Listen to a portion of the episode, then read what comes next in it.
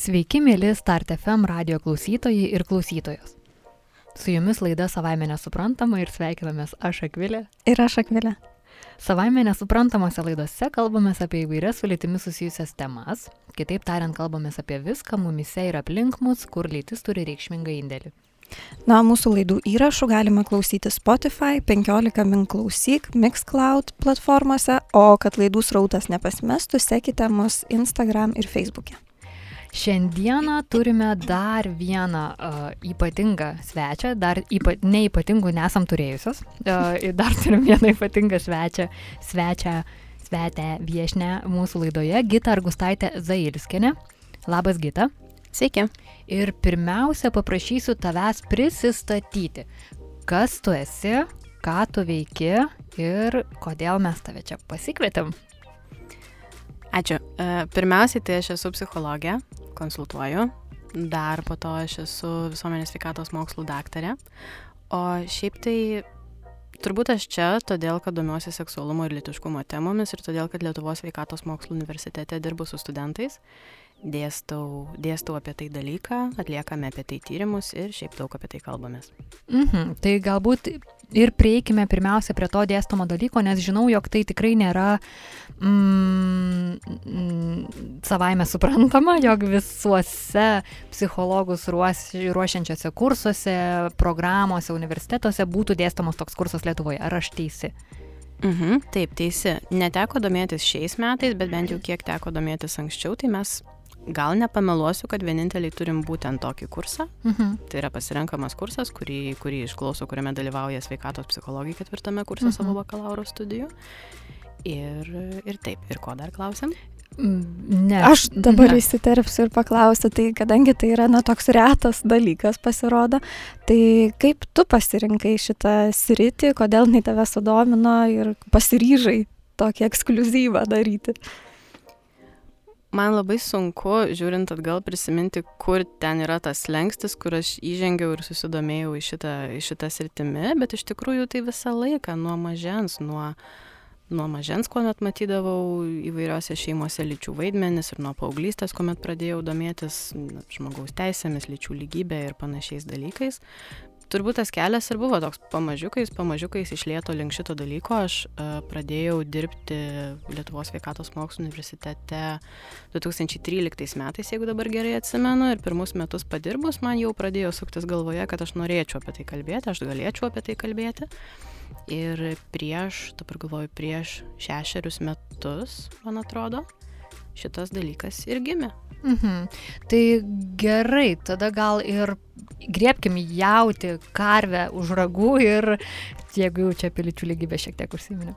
Tai uh, kodėl, kodėl reikia tokio kurso, kodėl tu 2013-aisiais pradėjusi dėstyti, supratai, kad tu norėtum jį atnešti, uh, kad apie tai reikėtų kalbėti. Kodėl?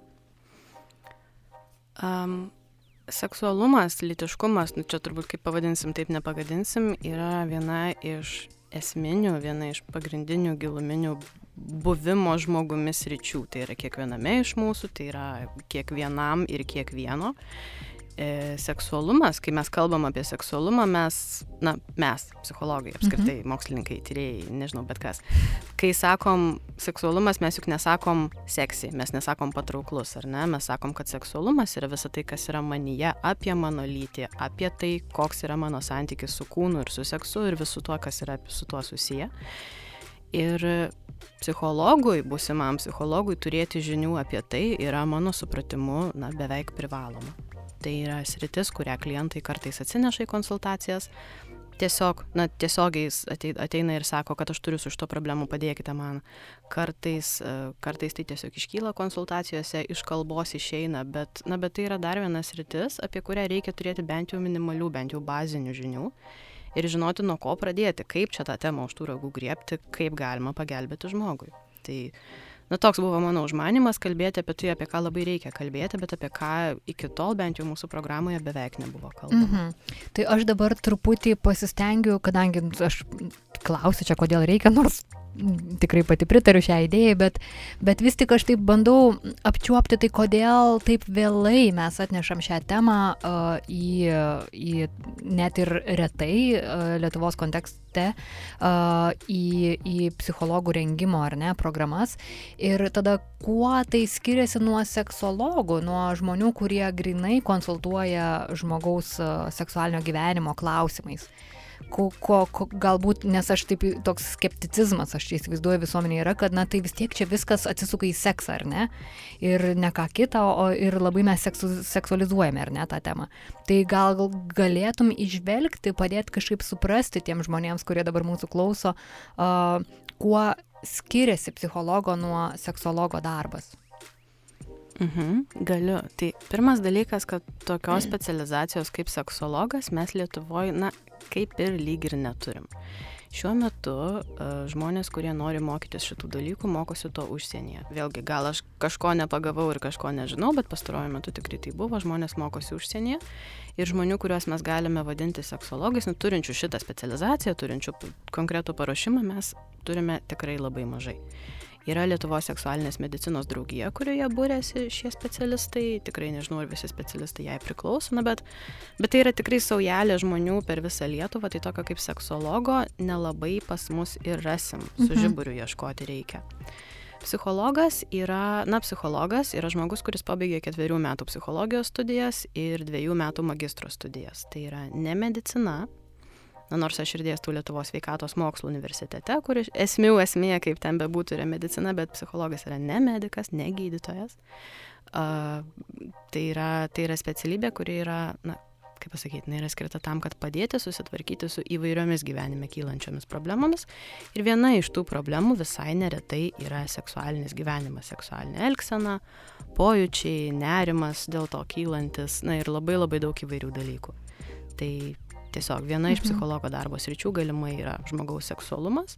Seksologas yra gydytojas arba kitos specialybės specialistas pabaigęs papildomai, na visą laiką pabaigęs papildomai tam tikrus mokslus, kuris jau domisi ir dirba tik tai konkrečiai su seksualiniam, su lytiniam problemom. Tai tikiuosi, kad tai, tai atsako į klausimą apie skirtumus. Taip, taip, taip atsako ir aš dabar galvoju, jog, na, žmogui gali kilti klausimų apie seksualinį gyvenimą, tačiau, na, turbūt tai pernelyg susiaurintų tą seksualumo, litiškumo ar ne temos psichologo kabinete uh, poreikį, nes tai nėra vien santykis su kitu ar tų santykių kažkokia išraiška per elgesį, bet ir savęs prieimimas, ar ne, tai labai stipriai susiję. Taip, taip, be abejo. Tai turbūt problemos, kurias žmonės atsineša į įvairių konsultantų, į psichologų kabinetus, na tos problemos, jos išsakomos per elgesį dažniausiai ar išsakomos per pojūčius. Man nepavyksta, man neišeina, aš nesugebu, man nebepavyksta, arba aš jaučiuosi vienaip ar kitaip, aš nerimauju, aš negaliu, aš, na, aš negaliu mėgsti santykio su žmogumi ir panašiai. Bet po tuo, arba po tuo, arba tiesiog atskirai yra, na, egzistuoja ir savęs prieimimo problemos, ir santykis su savo kūnu, santykis apskritai su bet kokia seksualinė elgsena, koks mano santykis su seksu, ką aš apie tai žinau, kiek, ko mane kas apie tai mokė tiesiogiai ir netiesiogiai ką aš tiesiogiai ar netiesiogiai išmokau savo šeimoje, kaip ėjosi mano patirtis, ar mano patirtis buvo saugios ir malonios, ar mano patirtis buvo nesaugios ir nemalonios. Ko aš išmokau, pats net negalvodamas apie tai, ko mokausi.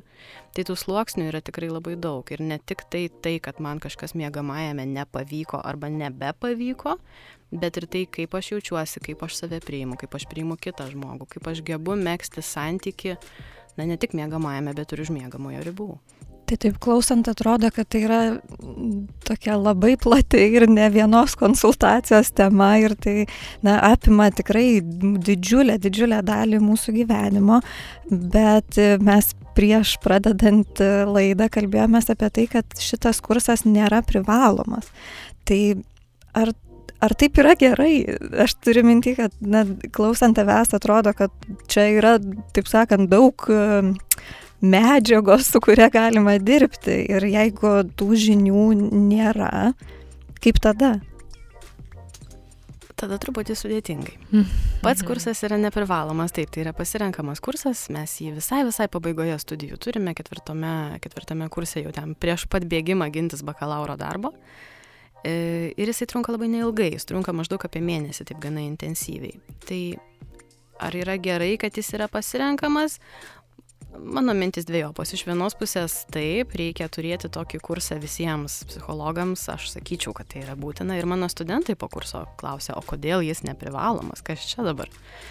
Bet e, kaip dėstytojai, man yra visai malonu dirbti su nedidelė grupelė žmonių, kuri yra motivuota, kuri žino, ko nori, žino, ko atėjo ir, na, yra, kaip pasakyti, mes panašiai suprantam dalykus, panašiai suprantam, kodėl tai yra svarbu. Bet jeigu tai pasidarytų privalomų dalykų, aš, aš tik tai džiaugčiausi. Tai ko jų, tai gerai, tada papasakok apie tą būtį, apie tą intensyvaus darbo uh, mėnesį, nes aš kaip žinau, jūsų universitete yra neįprastai ne Lietuv, Lietuvai vykdomas mokslų procesas, ar ne? Jūs neturite to semestro, semestro sesijos. Semestras ateina, mokais, mokais, mokais sesiją. Jūs taip tokiais kažkokiais, uh, tokiais, tokiais trumpesniais segmentais labai intensyviais dirbate, ar ne, su temomis. Tai dėl to tik mėnesį trunka, tai aš čia papasakoju žmonėms, kurie to nežino. Mhm. Tai kad negalvotumėt, kad čia tik mėnesio trukmės tema, ne, čia viso gyvenimo tema. Tai ką jūs, kokias temas aptarėte? Kažkaip, nu, tokį norėtųsi nuo to tokių abstrakčių frazių žmogaus savęs prieimimas, nu, nu, nu, sukonkretinti ir pamatyti, ko, apie kokias temas mes konkrečiai kalbame. Mhm. Taip, tikrai reikėtų žemiškiau kalbėti, ar ne? Tai šitą dalyką mes dėstom kartu su kolega gydytoju. Tai na, tarsi ir skeliam tą dalyką gal truputėlį nenatūraliai skeliam, bet į tą labiau fiziologinę pusę ir į tą labiau psichologinę pusę. Tai fiziologinėje pusėje yra kalbama apie tai, kaip apskritai veikia kūnas, studentai dar kartą perbėga, prisimena na, kad ir esminės bazinės anatomijos žinias, visą fiziologiją, kaip veikia mūsų kūnas, visa hormonų sistema, nervinė reguliacija mūsų visos reprodukcinės sistemos ir panašiai. Ir tada jau studentus gaunu aš ir mes einam į tą labiau psichologinę pusę. Tai pabandysiu dabar prisiminti ir pavardinti temas, kuriomis, kuriomis mes kalbamės. Lytinė orientacija, lytinė tapatybė, kultūros įtaka žmogaus seksualumui ir jo suvokimui. Um, kaip kalbėti konsultacijose su klientais apie seksualumą, taip, ką tik dar buvo viena mintis ir pabėgo. Daugiau yra, tik paskaitų tikrai yra daugiau. Dar mes kalbame apie tai, kaip būti, um, kaip būti geru, na, angliškas terminas ally, kaip būti geru sąjungininku mhm. ir pagalbininku ir palaikytoju. Kalbame truputėlį apie, na, kabutėse pasakysiu, nenorminį seksualumą. Mes taip pavadinam, na, tarsi tai, kas pas mus yra užrybėje - prostitucija, pornografija, įvairūs panašus dalykai. Na tai vad maždaug maždaug mhm. esmė yra tokia, mhm. tos mano puselės. Mhm. Tai jūs aptarėte, kaip suprantu, ir, ir tai, kas, kas yra biologiška, ko galima tikėtis iš žmogaus seksualumo, tačiau pamatot, kad ta biologija jinai vis tiek veikia socialinėme kontekste, ar ne, kad na, jinai yra neišvengiamai uh, uh, veikiama tų kultūrinių ar ne implikacijų ir galbūt tu man gali pasakyti, ar galime brėžti tokią ryškę ribą, nes mes šiame, na, litiškų tai yra labai polarizuojanti tema, e, žmonės tikrai to žodžio prasme kariauja dėl tos temos. Aš šiandien ryte turėjau tokį skaitinį, kai suvokiau, kad mes iš tikrųjų esame kare, tas kultūrinis karas, kad jis ir yra tikras kultūrinis karas, žmonės išsipyksta, broliai prieš brolius, seserys prieš seseris to ir ne, su visais šeimų maršais ir galbūt kaip kulminacija mūsų kultūrai kol kas jisai yra buvęs ir ta kulminacija yra užsitęsusi. Tai tose visose diskusijose yra labai labai daug to tokio draskimosi tarp, tai yra natūralu, tai yra biologiška, tai yra prigimta ar ne žmogui ir tai yra išmokta, tai yra perversija, tai yra kažkoks išmoktas iškrypeliškas elgesys. Tai ar mes galime taip labai aiškiai pamatyti tą ribą, kad va čia jau yra kažkokiam pasigauta mada, o čia yra tai, kas yra mums prigimta ir, ir, ir tinkama žmogui. Mhm. Geras klausimas. Geras klausimas. Labai užkrautas klausimas, aš mhm. sakyčiau. Mhm. Jūs klausėt, ar galima pamatyti tą ribą, aš gal paklausiu kitaip, ar reikia pamatyti tą ribą. Šiai dienai aš negaliu nubrėžti ribos, kur yra biologija, kur yra psichologija, ką aš išmokau, ką aš atsinešiau. Nors šitas išmokau toks irgi, nu, toks slidus žodis, ar ne, ką mes išmokstam. Ar aš išmokstu elgtis lovoje, nu, taip, išmokstu. Ar aš išmokstu lytinės orientacijos, na ne, neišmokstu. Tai tos, tos ribos, nu, aš, aš negaliu, aš nemoku jos brėžti. Ir tai, kaip mes šiandien daliname savo dalyką, yra toks tiesiog labai praktinis, labai paprastas padalinimas, nes vat, šitą dalį aš geriau moku nupasakoti, aną dalį mano kolega geriau moka nupasakoti. Ir apskritai aš labai skatinu studentus klausti, ar tikrai mums reikia žinoti tą ribą. Mums, kaip psichologams, kurie gali padėti žmogui, na koksgi mums skirtumas galiausiai. Jeigu žmogus ateina su problema ir sako, aš negerai jaučiuosi, vat man, na kas čia man vyksta susijaudinu labai smarkiai, na, ne taip susijaudinu, kaip reikia mėgamajame, ar ne, mane apima nerimas ir aš negaliu mėgamajame nieko nuveikti, neįvyksta lytinis aktas, nes man, na, man, man nepavyksta pasiekti erekcijos. Biologija tai ar ne? Jeigu yra atlikti tam tikri medicininiai tyrimai, jeigu gydytojas pasakė, čia, čia ne biologija, na, čia ne, tai koksgi skirtumas galiausiai? Galiausiai vis tiek aš galiu pasimti tą žmogų, mes galime kalbėtis, mes galim, mes galim apie tai kalbėti, bandyti, bandyti kažkaip tai jam padėti ir bandyti išspręsti tą problemą. Jeigu ateina žmogus su iš dalies biologinė, iš dalies psichologinė problema ir ateina pas mane, aš vis tiek darysiu maždaug tą patį. Aš kalbėsiu, bandysiu padėti, bandysiu paaiškinti, mes, mes gilinsimės į tas problemas. Tai, na, nežinau, gal ne visai aiškiai paaiškinau, galbūt truputėlį ir nuklydau nuo to savo originalios minties, bet uh, ar yra riba, kažkur galbūt yra, ar mums reikia rasti tą ribą, aš šiai dienai sakyčiau, kad nebūtinai. O ar tai padeda? Ar padeda tos konsultacijos, ar jos padeda vat, spręsti tas realias e, problemas, kurios įvyksta mėgamajame, dėl kurių tarsi ateina, bet jos yra jau tik pasiekmė kažkokių gilesnių priežasčių, ar ne? Tai, tai ar padeda tos konsultacijos? Mhm. Tai trumpas atsakymas taip. Ilgesnis atsakymas. Uh, kaip kam? gal ne tai, kad kaip kam, padėti tikrai galima, tik tai Nu, čia toks iš karto praktinis patarimas visiems klausytojams, kurie galbūt norėtų nueiti pas psichologą ir pasišnekėti. Kas gali atsitikti, kodėl gali nepadėti?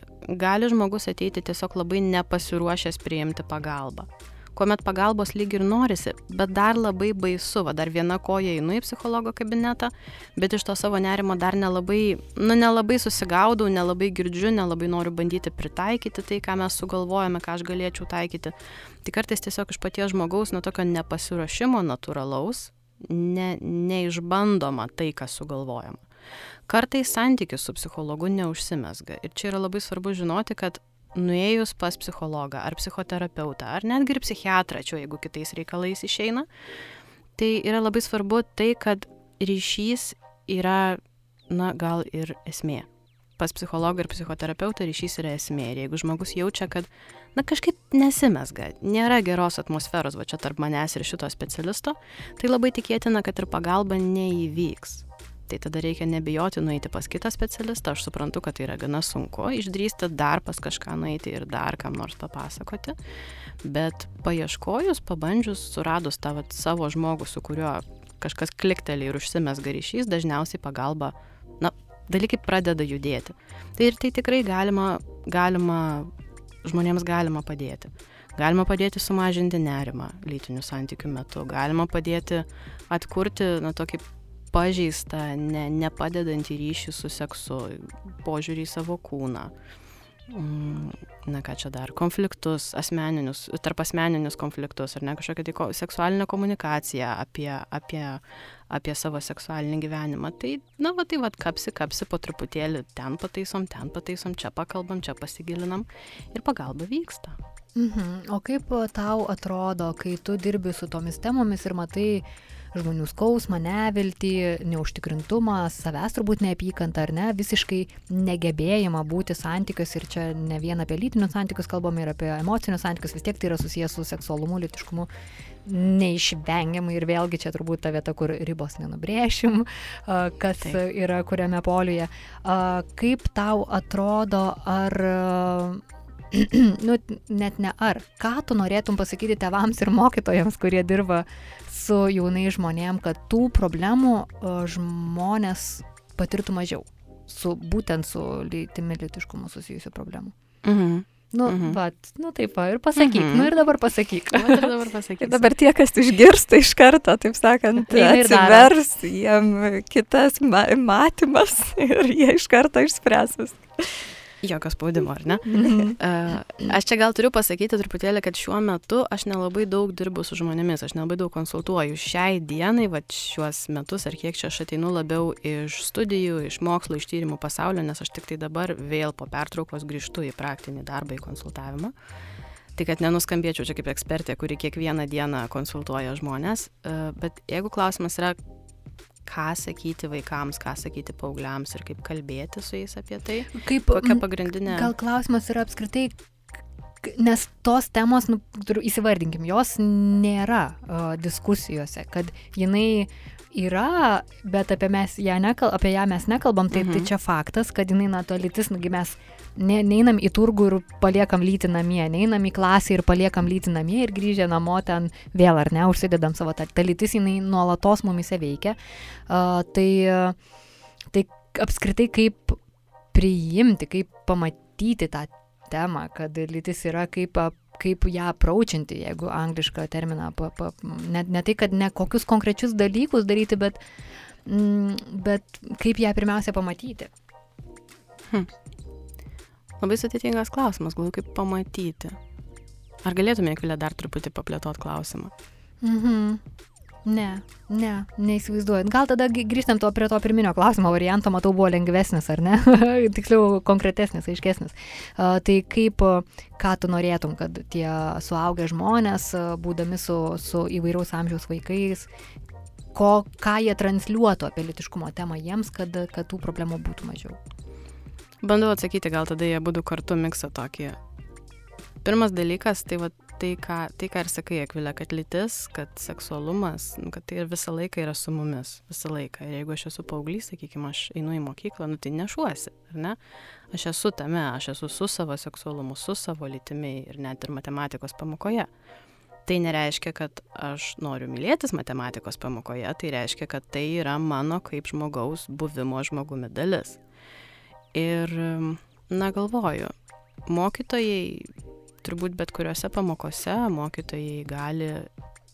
Pagrindinis dalykas tikriausiai yra pagarba žmogui. Skatinti pagarbą žmogui. Ir skatinti pagarbą nepriklausomai nuo lyties, skatinti pagarbą nepriklausomai nuo to, kaip žmogus parodo ar neparodo savo lyties pagarba gali būti lygiai tokia pati, ar pas mokytoją ateina berniukas ar mergaitė, ar pas mokytoją ateina mažiau apsirengęs vaikas ar daugiau apsirengęs vaikas. Tai tai yra, sakyčiau, pagrindinė žinutė, kuri gali būti nešama mokykloje, kad tai, kas tu esi su visa savo lytimi ir su visu savo, savo seksualumu, aš tai priimu, ateik pas mane, mes kalbėsimės, nesvarbu apie ką mes kalbėsimės, bet aš nestumsiu tavęs į paraštės vien dėl to, kad tu man vienaip ar kitaip parodai arba neparodai savo lytį arba savo seksualumą. Kaip tą padaryti praktiškai? Na tai nežinau, milijono eurų klausimas, ar ne, įvairūs mokymai ir čia tikriausiai čia jūs man daugiau papasakotumėte apie tai. Bet ta pagarba ir prieimimas, na jau nekalbant apie tai, kad bjauriai nejuokauti apie lytį, ne, ne, nesakyti, na, nesakyti, kur yra mergaitės vieta, kur yra berniuko vieta. Bet apskritai kreipti dėmesį į žmogų ir skatinti mėgsti santykių su kitais žmonėmis, skatinti mėgsti pagarbų santykių tai, kas yra, tai, kas yra bet kokio, na, net ir seksualinio ryšio esmė, pagarbus santykis, jeigu žmogus eina į savo, į, į, į santykius, jeigu turi kažkokį tai seksualinį ryšį, nesvarbu, kas tai būtų, ar tai yra ilgalaikiai santykiai, ar tai yra vienkartinis nuotykis, na tai vis tiek kažkur ten po tuo turi būti pagarbos pagrindas. Pasaulio sveikatos organizacija sako, kad lytiniai santykiai turi, na, turėtų būti saugus, e, sveiki ir nešti malonumą ar ne? Tai jeigu mes gyvenime mokome savo vaikus ir savo paauglius, na ir vyresnius vaikus, kad visą tai, ką mes gyvenime darome, turėtų būti saugu, sveika, na ir nešti, na gal nemalonumą, na kažkokį, nežinau, prasme atnešti, tai tada tą pačią žinutę jie gali pasimti ir išsinešti ir į seksualinius santykius, ir į savo būsimus romantinius santykius. Mhm. Pagarba, sveikata, saugumas. Aš gal norėčiau tada klausti apie studentus, nes nu, aš suprantu, kad tu dėstai nebusimiems mokytojams, bet turbūt tai yra nu, nemažiau svarbu tiem žmonėms, su kuriais mhm. tu dirbi nuolat. Ir Ar, pas, ar, ar, ar yra kažkoks pokytis, ar keičiasi apskritai požiūris? Aišku, mes jau kalbėjome apie tai, kad ateina į tavo kursą, ateina tie žmonės, kurie jau yra na, kažkiek susidomėję, taip, taip. tai aišku, tai irgi šiek tiek na, iškreipia gal tą bendrą vaizdą, kaip, kaip yra, bet, na, bet apskritai, ar, ar jie drąsesni, ar jie kažkaip organiškiau priema šitas temas, kaip? kaip? Ar turi galvoje su metais, kaip keičiasi? Taip. taip. Aha, pokyčio yra. Iš tikrųjų, aš tą dalyką dėstau kiek dar visai neseniai, penkeri metai.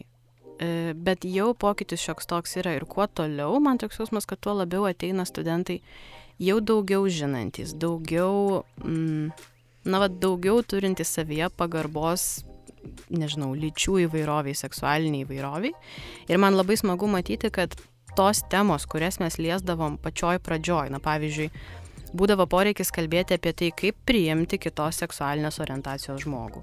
Nu, ką sakyti, ko nesakyti, vos ne iki tokių štai praktinių dalykų. Galvoju apie šiuos metus, apie šį semestrą mes jau nekalbam apie tai, mes kalbam apie žymiai gilesnius dalykus. Ir kalbam apie tai, kaip būti, kaip būti tuo geru palaikančiu žmogumi. Ir kalbame apie tai, kaip kaip pri... Na, žodžiu, ne, nesileisiu galbūt čia labai didelės detalės, bet pokytis tikrai yra lygiai toks pats pokytis, kokį aš matau visuomeniai. Žmonės atvirėja, laisvėja, daugiau gali šnekėtis, na, gal bent jau tie žmonės, kurie yra aplinkui mane, mano burbulė. Tai lygiai mhm. tą patį atspindi ir studentai. Mhm. Tai aš tą visuomenės šilimą irgi pastebiu, tačiau labiausiai uh, jį pastebiu LGBT temų atžvilgių. O ar savo kursę jūs aptarinėjat kažkaip lyčių lygybės uh, ir per lyčių lygybės perspektyvą moteriškumo, kas yra moteriškumas, kas yra vyriškumas, kaip ten suvokti, kas yra ta, ta, ta, ta, ta mano tapatybės ar nedalis, ar apie tai kalbate? Truputį mažiau. Mes mhm. kalbam apie tai tada, kuomet mes kalbam apie tai, kaip kultūra paveikia žmogaus seksualumo tiek raišką, tiek suvokimą ir kalbam apie tai, na, kabinam temas, kas yra stereotipiškai kabutėse tikras vyras ir kabutėse tikra moteris, kas, kas patiems studentams yra vyras ir moteris, kaip priima savo lyties tapatybę. E, bet tam, turiu pasakyti, yra skiriama mažiau dėmesio negu, pavyzdžiui, lytinės orientacijos temai.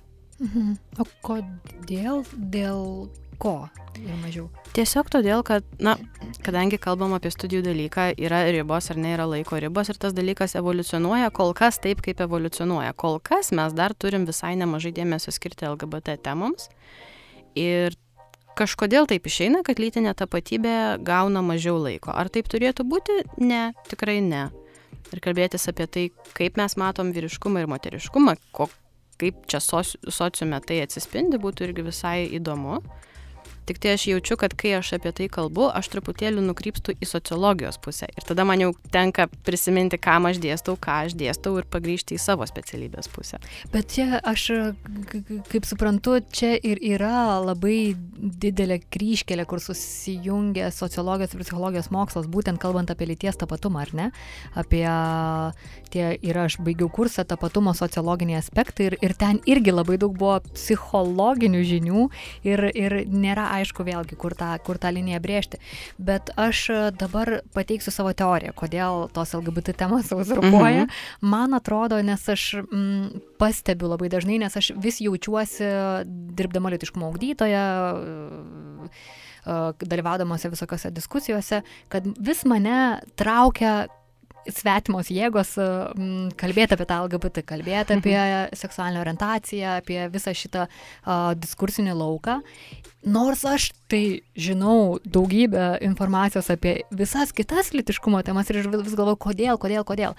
Ir mano teorija yra, kad mums vis dar atrodo, kad uh, seksualumas, lytinė orientacija, lytinė tapatybė yra susijusi su tais kitais ar ne žmonėms, su kažkokia visuomenės grupė, su, nu, kuri, turi, mhm. kuri yra represuojama, kuri kažkaip turi problemų, tas yra LGBT bendruomenė ar ne, čia greičiausiai mes apie juos kalbam ir mes vis dar nesam pasiekę to ligmens, kur mes suprastumėm kaip visuomenė, nu tokia plačiaja prasme, kad tai yra apie kiekvieną iš mūsų, kad kiekvienas žmogus turi seksualią orientaciją, kiekvienas žmogus turi lytinę tapatybę ir kiekvienas žmogus turi kažkokiais būdais uh, gebėti, na tam, kad tą pilną savo savastį suprastų, uh, įsisamoninti, kad ta lytis ji yra manyje, kad tai yra mano tapatybės dalis ir kad tai nėra vien tik simbolinę reikšmę turintis pasiai rašytas moteriško ir vyriškojo giminėje atributas. Tai kad mes dar nesam pasiekę to tokio sąmonės raidos fazės, kad tai yra apie kiekvieną iš mūsų, o ne tik apie kažkokią deviantinę visuomenės grupę. Kaip ta mano teorija? Labai įdomi teorija ir aš pasirašyčiau turbūt irgi po šitą teoriją. Tai dabar iš psichologinės pusės žiūrint, visą laiką yra lengviau kalbėti ir galvoti apie tai, kas yra um, gal skaudu kitam, o ne skaudu ar labai asmeniška man. Net tada, kai nėra labai skaudu. Visą laiką, kuomet susėdame studijose ir kuomet kalbame atvirom temom, pirmiausiai kalbam apie kitus, tik tai tada kalbam apie save. Na, tarsi kalbėti apie save yra skaudžiau, žmogus yra pažeidžiamesnis, kuomet kalba apie save ir vėl nežino, ko ten dar galima ištraukti iš savęs ir ką kitiems netyčia papasakoti ir vis laikais jungia šiokie tokie saugikliai. Tai aš turbūt visai pasirašau po šitą teoriją, kad aptarti tai, kas yra labai aktualu, skaudu ar neskaudu kitam žmogui yra truputėlį lengviau va taip sukritus į tokį greitą, intensyvų patyrimą, na, kad ir tokiam trumpam studijų dalyke, negu eiti giliai į tai, kas yra aktualu labai man. Tai yra, na, pokalbė apie tai, kas yra aktualu man, o kaip ir sakai, ištrauktų va, tą tokį, kas man yra vyriškumas, kas man yra moteriškumas, koks mano santykis su lytim. Ir aš net ir pati stengiuosi šitame dalyke labai labai giliai nekapstyti, nes mes neturim, na, čia vėl einu į tą mhm. praktinę tiesiog dėstytojos gyvenimo pusę, kad mes neturim tiek labai daug laiko e, kapstytis labai giliai, kaip kad darome kitose dalykuose. Pa, mhm. kituose kursuose turime. Kituose, mhm. kituose kursuose, nu, mhm. vat, pavyzdžiui, aš pati dėstau bendravimo psichologiją, tai ten mes tikrai kabinam ir mėsinėjom labai giliai vėlesnėse kursuose konsultavimo psichologija, asmenybės psichologija, čia jau nebe mano dalykai, čia jau kolegų dalykai, tai tenai yra mokymasis per save. O turbūt ir iškapstėm, kad mano dalykė jisai yra toks, na, trumputis, nedidutis ir nelieka to mokymosi per save, nes reikia labai daug visko sugraibyti ir išsimokyti apie kitus. Nes ta tema yra nepadengta visiškai. Taip, Žmonės taip, ateina... taip, taip YouTube'o pažiūrėjo, kažką paskaitė, kažkokių blogų paskaitė, uh, Foucault seksualumo istoriją, Butler paskaitė Gender Trouble, realiai, ar ne, nu čia aš tos grandus suminiu, mhm. ir, ir, ir viskas. Ir tada reikia atlikti daugybę darbo ir, ir už tai ir duoda tą pirmo, pirmoji smūkų groja tai, kas visuomeniai šiuo metu labiausiai skauda. Taip, ir jeigu ar... ateina paskaitę tokius grandus, tai, na, aš ploju katučių, bet, bet tikrai nesitikiu, kad ateis paskaitę, nes tai yra, nu, aš supažindinu su esmių esme ir aš tikrai jaučiu savo užduotį ir labai matau tą užduotį supažindinti su pačia esmių esme. Nes jeigu žmonės ateitų paskaitę kažkokius tai didelius veikalus, mes galėtume kalbėti giliau. Bet, na, ne toks tikslas, ne, ne laiko apimtis ir balonematė mes imamės bazės, imamės pagrindų ir po trupučiuką, po trupučiuką nagrinėjom ir kapstom.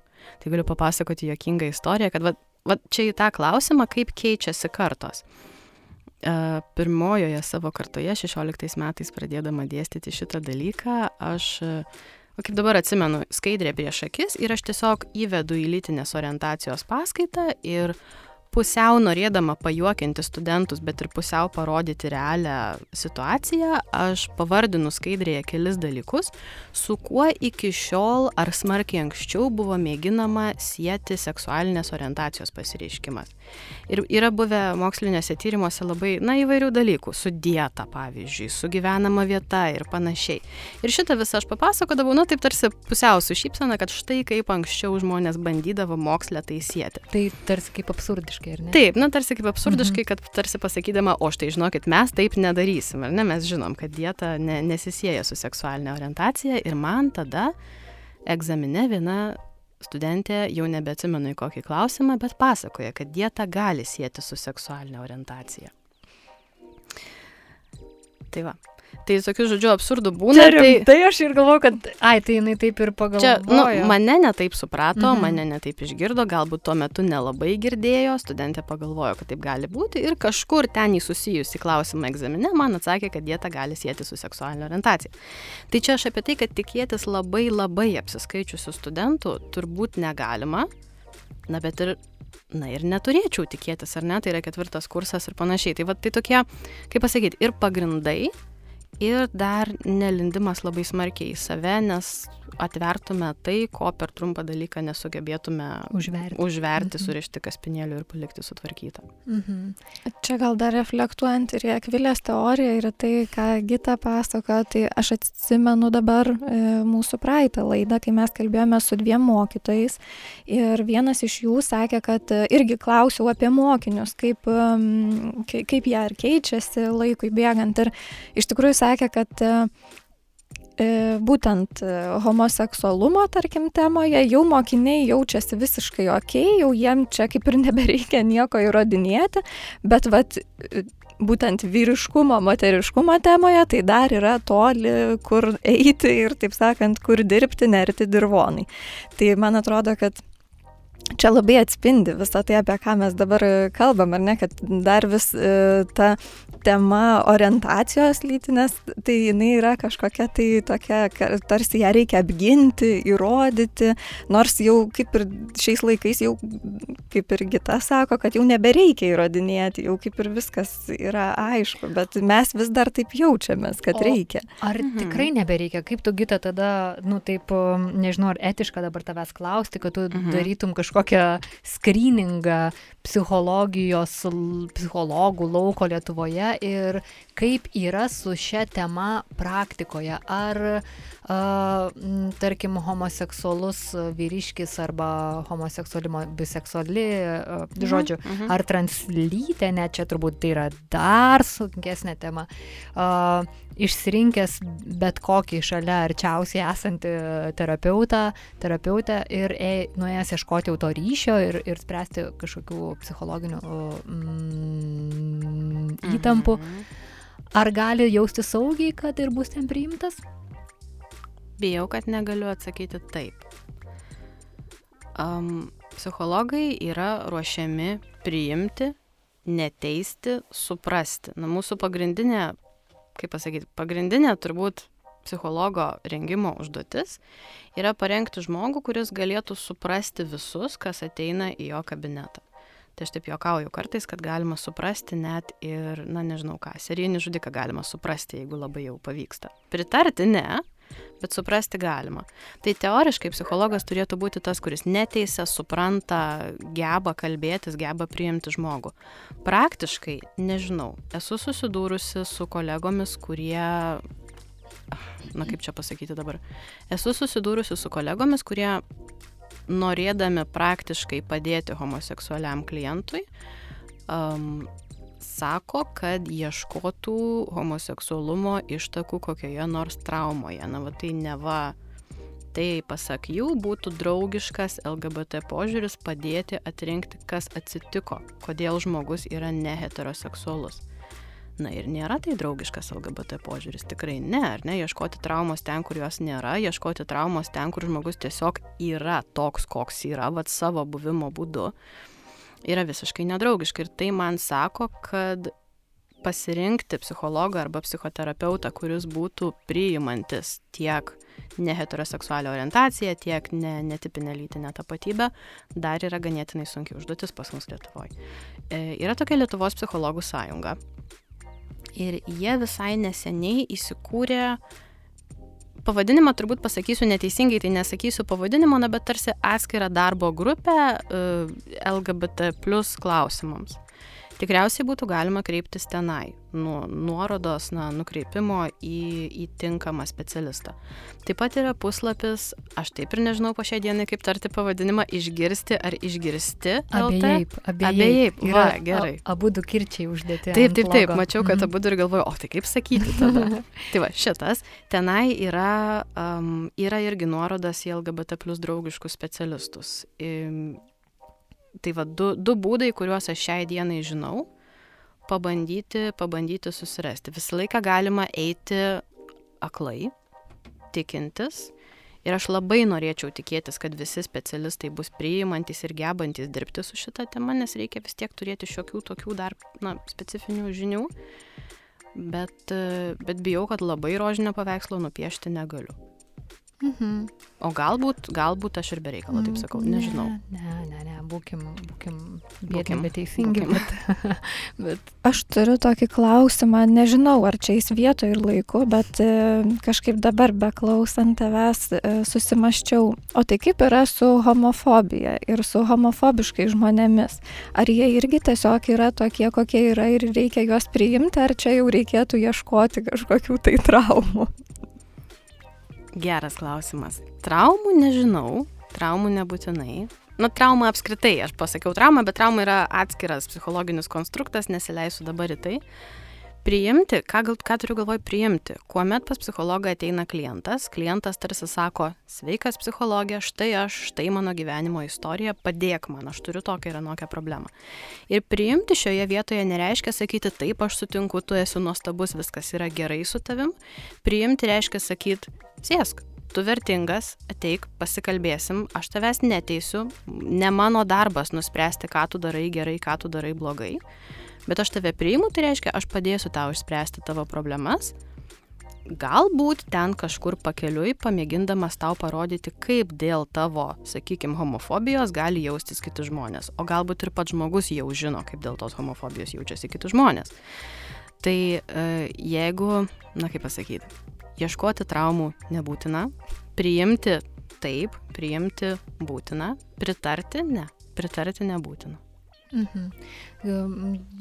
Kažkaip į tą homofobą dar norėtų pareaguoti du, du, du, du dalykus pasakyti, kad ne tik kitus žmonės, ar ne, veikia ta homofobija, bet ta homofobija tai yra tas nukreiptas kažkokias ar, ar ak- aktyvus ar pasyvus pyktis, Mhm. neapykanta į, į atskirus žmonės, veikia ir mus pačius, na juk taip neįmanoma tik spinduliuoti, bet nieko savo nepasilikti, ne? Taip, taip.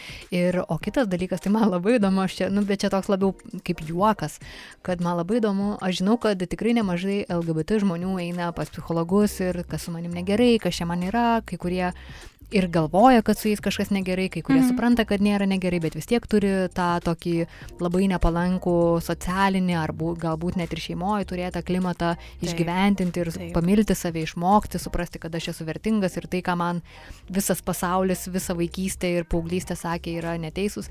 Ir man labai yra įdomu, ar kartais homo, bet čia juokas, Mhm. ateina pas psichologus į, į, į jų patogius fotelius ir sako, kaip man išsigydyti savo homofobiją. Ir aš įsivaizduoju, kad, nu, tur, nu turėtų, nu, turėtų būti, nu, juk neįmanoma, kad nebūtų.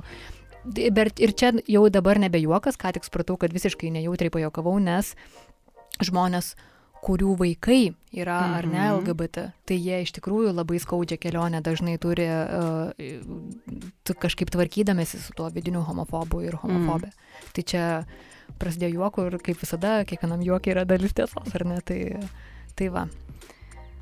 Aš gal į tą antrą pareaguosiu, kažkaip lab, labiau užstrigo, labai užstrigo, kad taip, homoseksu, na, iš, iš vis LGBT plus vaikų tėvai turi, turi šitą problemą ir eina ir bando. Man pačiai nėra tekę dirbti su žmogumi, kuris, na, va taip irgi kabutėse pasakysiu, atėjo išsigydyti savo homofobijos, bet, e, na, ateina žmonės turbūt dažniausiai nepakeisti savo vidinių nuostatų, ne su tokiu užsakymu ateina, žmonės ateina su užsakymu arba pataisykite mano artimąjį, jam kažkas negerai, arba ateina papasakoti apie santykio su tuo artimuoju problemą. Ir tada mes atkasame ir atkaičiame, kad ne artimajam yra negerai, o yra nuostatos, nuo kurių tam artimajam jau dabar irgi yra negerai. Ir tada, na ir kas, ir tada yra dirbama su santykiu tarp šitų dviejų žmonių, yra dirbama kapstomasi tose homofobiškose nuostatose, bandoma jas išsiaiškinti, kas jos, ką jos daro, kodėl jos. Iš kur, gal gali kilti mintis, kad labai bandoma išsiaiškinti, iš kur jos atėjo. Nebūtinai. Tikrai nebūtinai. Tai yra paties psichologo, paties psichoterapeuto, kaip čia pasakyti, na, mėgstamos darbo krypties klausimas, ar lysti labai smarkiai atgal ir bandyti išsiaiškinti, iš kur tai, ar tiesiog pripažinti, kad, na taip, jūsų nuostatos yra va štai tokios ir tokios, padirbėkim, pagalvokim, ką čia galima gyvenime kažkaip suprasti kitaip, ar bendrauti kitaip su žmonėmis, kad problemų kiltų mažiau. Mhm. Aš tada dabar um, jau čia taip davėm šiek tiek dėmesio LGBT temoms ir norėčiau grįžti į, į tą momentą, kai tu kalbėjai apie mokyklą ir apie tai, kad mhm. kai mokiniai ten vis tiek nori jie to ar nenori, jie demonstruoja aktyviai arba neaktyviai savo lytį ir gali būti, kad ateina labiau apsirengę ir mažiau apsirengę. Taip, taip. Tai kai mažiau apsirengę, tai aš įsivaizduoju, pataisyk, jeigu klystu, mes kalbam apie dažniausiai merginas, ar ne, kurios gali taip, taip. labai seksualizuotai rengtis ar netgi elgtis, ar ne. Tai aš manau, kad tai mm, yra labai deganti tema. Akvilė, mes prieš kelias savaitės e, penktadienio vakarą gurkšnojant e, suaugusiųjų gėrimus irgi apie tai kalbėjom, e, nes, nes stebėjausi, jog neseniai su manim susisiekė viena bičiulė, kuri dirba mokykloje ir toj mokykloje mm, yra toks kažkoks karavanas uh, nutikimų, kuomet yra gėdinamos mergaitės dėl neva pernelyg uh, apnuoginto kūno. Ir tas neva pernelyg, pavyzdžiui, kai mergina labai labai pakelia ranką ir pasimato bamba. Vaje. Vaje. Arba iš tikrųjų, pavyzdžiui, mergina ateina su tinklinė mm, mm, palaidinė ir matosi mhm. visa nugara. Tai čia jau, na ir matom, kad tos ribos gali būti arba tikrai jau ten labai nori ir pamatai tą apnuogintą kūną, bet gali būti, kad iš tikrųjų labai atvira krūtinė, ar ne, o Aha. mes krūtinę siejame su seksualumu atvirkščiai negu vaikinų krūtinė. Tai, tai ką čia galėtum pakalbėti apie, apie tą, nes aš įsivaizduoju, kad labai dideliai daliai mokytojų būtų pala, pala, pala, kodėl aš čia dabar turiu, Akvilė, tu galėtum geriau įgarsinti tą mokytoją, tu, tu geriau turi tam vidinį mokytoją viduje, kodėl aš čia turiu priimti seksualius kūnus. Aš nežinau, ar aš galiu įgarsinti mokytoją, bet aš žaviuosi e, tais jaunai žmonėm, kurie turi tos drąsos, va taip save išreikšti, man tai yra žiauriai faina, bet aš, kadangi na, turiu mokytojas kvalifikaciją ir kažkiek Aha. esu dirbusi mokykloje, aš bandau galvoti, na, kaip aš į tai reaguočiau. Ir mano buvo toksai... Mm, nežinau, pasisakymas tą temą, kad aš gal vis tik tai kažkokią tai pastabą pasakyčiau ne dėl to, kad e, man tai iš esmės kažkaip trukdytų, bet dėl to, kad gal mokykla nėra ta vieta, kur reikėtų va tai va apsinuoginti. Nežinau, ar aš esu teisė, aš paskui dar tikrai galvojau apie tai po mūsų to pokalbio ir bandžiau rasti savo vietą šitame. Tai va, gal gita mums padės surasti ir mano, ir kitų mokytojų vietą. Tai kaip čia reikėtų galvoti. Aš klausau ir bandau save įsidėti į tą mokytojo vietą. vietą ir galvoju, o ką aš daryčiau? Mhm. Tai pirmas dalykas, turbūt, ką aš daryčiau, nežinau, ką mokytojai daro paprastai, man baisiai, baisiai baisu klausyti istorijų apie viešą gėdinimą. Kodėl tavo Jonas per trumpas, kodėl tavo mhm. nugara matosi ir tai yra daroma prie visų, kas paaugliui, aš manau, yra tragedija. Bandau save pastatyti į tą paauglio vietą, kažkaip sugražinti, per prievartą į paauglystę. Ir jeigu mane kas nors pagėdintų viešai dėl mano aprangos, taigi siaubas, kokia savijauta, kokia gėda, kiek aš ilgai apie tai galvočiau. Ir greičiausiai tai, turint mintį paauglystės amžių, tai duotų tik priešingų rezultatų, o ne kažką. Gali būti, tai. gali būti, kad duotų priešingų, arba gali būti, kad duotų mokytojo norimą rezultatą ir vaikas apsirengtų bet liktų pasiekmes psichologinės matyt ilgam. Gal nestiprios, bet jau tą mokytoją pasinešiotų galvoje ilgus metus turbūt. Tai aš galvoju, kad pirmas dalykas mokytojas galėtų, galėtų sakyti pastabą, na jeigu tai nėra kažkoks vienkartinis ups. Na, na, atėjau netyčia su per trumpais marškinėliais, tai jau tikrai dabar nereikia mokytojui dėl to manęs barti. Bet jeigu jau kažką sakyti, tai manau, kad sakyti asmeniškai. Paugliui pačiam kad tikrai, tikrai negirdėtų kiti, aš turbūt taip daryčiau. Ir apskritai, nu, aš turiu tokį įprotį išnešti viską kažkur į gilesnės teorijas ir abstrakčiau kalbėti, tai aš irgi kalbėčiau apie tą patį. Jeigu yra mokyklos dreskodas ir jeigu tas mokyklos dreskodas yra protingas, žmoniškas e, tiek berniukams, tiek mergaitėms ir jeigu galima į jį telpant rengtis maždaug taip, kaip man yra patogu rengtis, tai tada, na, toksai dreskodas tikrai, sakyčiau, duoda mokytojai teisę, vis pasikartojant pažydimams, tiesiog gražiai paprašyti paauglio nu ir žiūrėti, kas jau ten toliau vystosi iš to. Bet čia kitas klausimas apie tos dress kodus. Būna vietų, kur mergaitėms neleidžiama nešioti kelnių, tik tai sijoną. Būna vietų, kur neleidžiama nešioti, uh, nu, liaudiškai pasakius, maikučių ant petnešėlių. Ir tada, ka, kas tai per žinutė, kokią žinutę tai, tai perdoda paaugliams. Na, maždaug merginos, jūs, eta, jūs esate atsakingos už vaikinų seksualumą. Nu, čia ta tradicinė žinia, kurią daug kur matom. Uh, Tai iš vienos pusės tai gali būti mokytojo atsakomybė, iš kitos pusės tai yra atsakomybė žmonių, kurie dreskodą sugalvoja. Permastyti, persvarstyti, ką mes norim, kad vaikai girdėtų apie tai. Mano asmeniška, turbūt didžiausia problema su šita tema yra ir tą penktadienį, ir, ir aš ir viduj apie tai daug svarščiau, kad kas turi apskritai teisę arba nu, kieno galioje yra nuspręsti, kuris uh, aprangos ten variantas, ar makiažo kiekis, ar nulakuotų nagų kiekis 10 ar 9 ar, ar 11 uh, uh, yra per daug kas nusprendžia, kad jau tu va čia peržengi ribą, o čia dar yra tinkamas ten, tarkim, kelnių uh, sijono ilgis ar ne, ar mm -hmm. nugaros matymosi kiekis. Ir mes suprasim, kad mes nežinom. Tiesiog tai yra taip labai jau individuali, labai subjektyvi mm, nuomonė, ar ne, ir galim turėti dreskodą. Tai yra tiesa, bet tai nesprendžia vis tiek problemos, ką daryti su seksualizavimu. Mes su, yra tokie dabar tarsi du tokie diskursai klešina tuo pačiu metu, kalbant apie moterų ar ne seksualumą. Vienas, kad nustokim seksualizuoti moters kūną ar ne. Mhm. Ir tiesiog pamatykim kaip kūną, kuris uh, nesukelia seksualinių fantazijų vyrams, o tiesiog veikia, daro kavą, skaito tas kūnas ar ne, knygą įrašinė radio pokalbį Taip. ir nėra seksualus. Bet tuo pačiu kaip leisti mėgauti savo seksualumu ir būti savo seksualumo šeimininkė ir nesmerkti to žmogaus, jeigu šiek tiek turi trumpesnį e, sijoną ant, ant klubų. Mhm.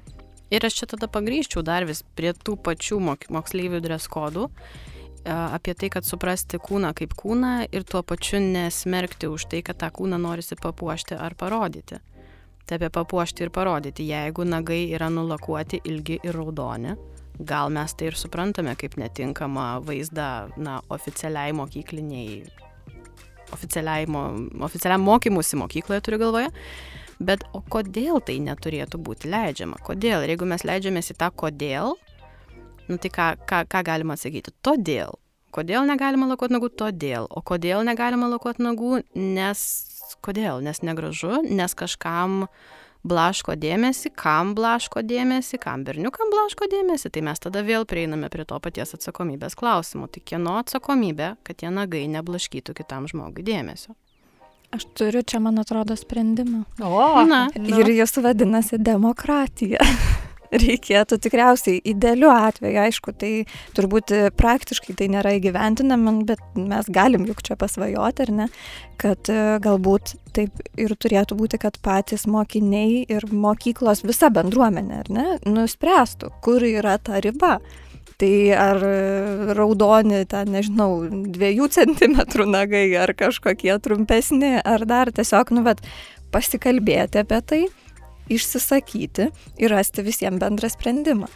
Bet čia yra problema, kad nu vis tiek tada tokiu atveju mes turėtumėm turėti labai gerą, gilų, platų litiškumo ūkdymą ar kažkaip kitaip besivadinančią discipliną, kad žmonės... Tai aš ir sakiau pasvajoju. tai, kad žmonės gebėtų kažkaip vertinti tas e, kultūrinės implikacijas, kiek kultūra lemia mūsų sampratą, kiek yra mumyse gėdėjimosi dėl to, kad žmogus yra seksualus ir galbūt čia pačiai pabaigai ir paimkime tą, vat, kad mm, seksualaus žmogaus temą. Tu pačioj pradžioj minėjai, mhm. kad mums reikia suvokti, kad, na, kad tai yra tai, kas yra žmogus, bet tuo pačiu Ar tu pritari man ir Akvilė turbūt ir tau, apie ką mes šešiose laidose daug kalbam, kad mm, tas seksualumas yra menkinamas, tarsi tai yra prastesnė buvimo žmogumi forma. Mhm. Taip, taip. Kiek daug mumise yra teisimo kitų ir kiek daug mumise yra kategorizavimo. Šitas žmogus pasirūpino savo išvaizdą, nežinau, pasidarė šukuoseną, pasirinko aptemptus drabužius ir šiandien nori save parodyti kaip patrauklų. Kitas žmogus skaitė daug knygų, daug mokėsi, nepasirūpino šiandien savo išvadą, išvaizdą ir šiandien nenori savęs parodyti kaip patrauklaus, kurį žmogų mes laikysim vertingesniu visuomeniai, duodančiu daugiau visuomeniai, na nežinau, na tikrai tiesiog vertingesniu. Tai aš beveik tikra, kad daugelis mūsų net nepagalvoja, laikysime vertingesniu tą, kuris nepersipuošia kabutėse, taip sakant, ar ne, kuris nenori parodyti, kuris, kuris nenori parodyti savo išvaizdos, kuris nori neva parodyti kažką giliau. Bet tas dichotomizavimas į žmonės, kurie nori parodyti savo išvaizdą ir nori parodyti kažką giliau, yra neteisingas absoliučiai neteisingas ir tai kelia gėdą, va tai ką tu akvilė sakai, tai kelia gėdą, tai kelia tokį, na, labai žeminantį požiūrį kai kurios žmonės. Ir jeigu man, aš pati savyje tą jaučiu, aš pati savyje tą jaučiu, aš buvau, um, na gerai, nesakysiu kur dėl anonimiškumo, bet tokiame žmonių susirinkime kelis kartus lankiausi. Ir mes kalbėjomės nemažai apie santykius šeimoje, apie vaikų auginimą ir panašiai. Ir tenai buvo moteris, kuri buvo, na, man tiesą sakant, buvo labai graži moteris labai gražūs dailūs ilgi plaukai, labai gražūs drabužiai, kurių aš turbūt iš gėdos savo gyvenime niekada neleisčiau apsirengti, nes aš mėgstu daug save pridengti. Bet man buvo labai gražu ir ta moteris buvo tokia, na, tai, ką mes vadintume susitvarkiusi. Labai nemėgstu šito žodžio, bet mhm. sakykime susitvarkiusi. Atpažįstama žodis. Taip. Ir, ir aš save pagavau, paskui dar savo per nagus daviau, kad per pirmą susitikimą, kol neišgirdau jos kalbant, kol mūdvi nepasikalbėjome, aš galvojau, kad, na, nieko čia vertingo, ar ne? Na, tai, tai aš esu geresnis žmogus negu ta moteris, nes aš šiandieną daugiau prisidengiau. Ir man paskui teko nuleisti akis iš gėdos per tuos kitus susitikimus ir prisiminti, kad nereikia taip daryti. Eilinį kartą prisiminti, kad nereikia taip daryti, nes mes turėjome kuo puikiausias, giliausias diskusijas ir mane pamokė kai kurių dalykų. Na, žodžiu, ne, nesileisiu aš ten labai smarkiai, bet, bet tikrai kiekvienas esam turėję tokių dalykų, kur pagalvojom, o, ne tik gražus, bet ir protingas. Tai va šitą reikia gaudyti savį savyje. Ne ne tik gražus, ir, bet protingas, o vietoj to, o, gražus ir protingas, kaip fainai visas. Dar vienas, dar vienas, dar bruožas, vienas ir dar viena. Jo. Mm, nu, fantastika. Tai dabar kažkaip sugalvokim, kaip baigsime laidą, artėjame prie valandos riboženklio. Akvilė, ar turėtum dar, arba tu, Gita, galbūt kažkokį tokį dalyką, kur atėjai ir supranti, kad dar neturėjome erdvės tai, tai kažkokiai žinutėjai tavo ištransliuoti. Aš užleidžiu mikrofoną Gitai. Aš tai galvoju, aš išgirdau labai gerą palinkėjimą, kai šią vasarą dėščiau studentams, psichologų studentų stovykloj. Mes kalbėjomės ir viena mergina pasakė, dabar gal tiksliai neprisiminsiu, bet pasakė, tegul nebūna šventė kalbėti apie seksą mes kalbėjom apie tai, kad kaip faina mes šnekam apie seksą, paprastai niekas apie tai nekalba, va kokia čia paskaita įdomi ir mergina pasakė, tai gal tegul nebūna šventė kalbėti apie seksą. Kalbėkime apie tokius dalykus daugiau, vieni su kitais, tiek, kiek yra patogu ir tiek, kiek yra saugu. Tai aš linkiu, kad nebūtų šventė kalbėti apie seksą, kad tai galima būtų daryti daugiau ir dažniau. Labai tau dėkoju ir reikės uh, kitą laidą tuomet įrašinėti kodėl nėra gėdinga kalbėti apie seksą, nes dabar tokį palikom atvirą visiškai lauką diskursą. Ne tik apie seksą, dar čia pasakyti, na ne tik apie seksą, visą tai, apie ką mes šiandien kalbėjome, apie litiškumą, mm. apie seksualinę orientaciją ir taip toliau ir panašiai. Taip, tai nes čia turbūt didžioji problema yra, kad mes seksą ir suvokiam tik kaip aktą, o ne kaip mm -hmm. i, i, mm -hmm. didžiulį, ilgą, niekada nesibaigiantį tokį kultūrinį procesą. Taip, taip, taip, tai man atrodo, galėtume įrašyti darbą. Gerai, sutarta, sutarta, sutarsim dėl laiko tai ačiū tau, Gita, kad atvykai pas mus iš Kauno. Mhm. Ačiū Jums, kad pasikvietėt, buvo labai smagu. Ir, ačiū, ir... ačiū, ačiū. Ačiū. Labai džiaugiuosi ir tiesiog vėl turėsiu apie ką pamastyti iki kitos laidos. Fantastika. Tai iki kitų kartų. Iki.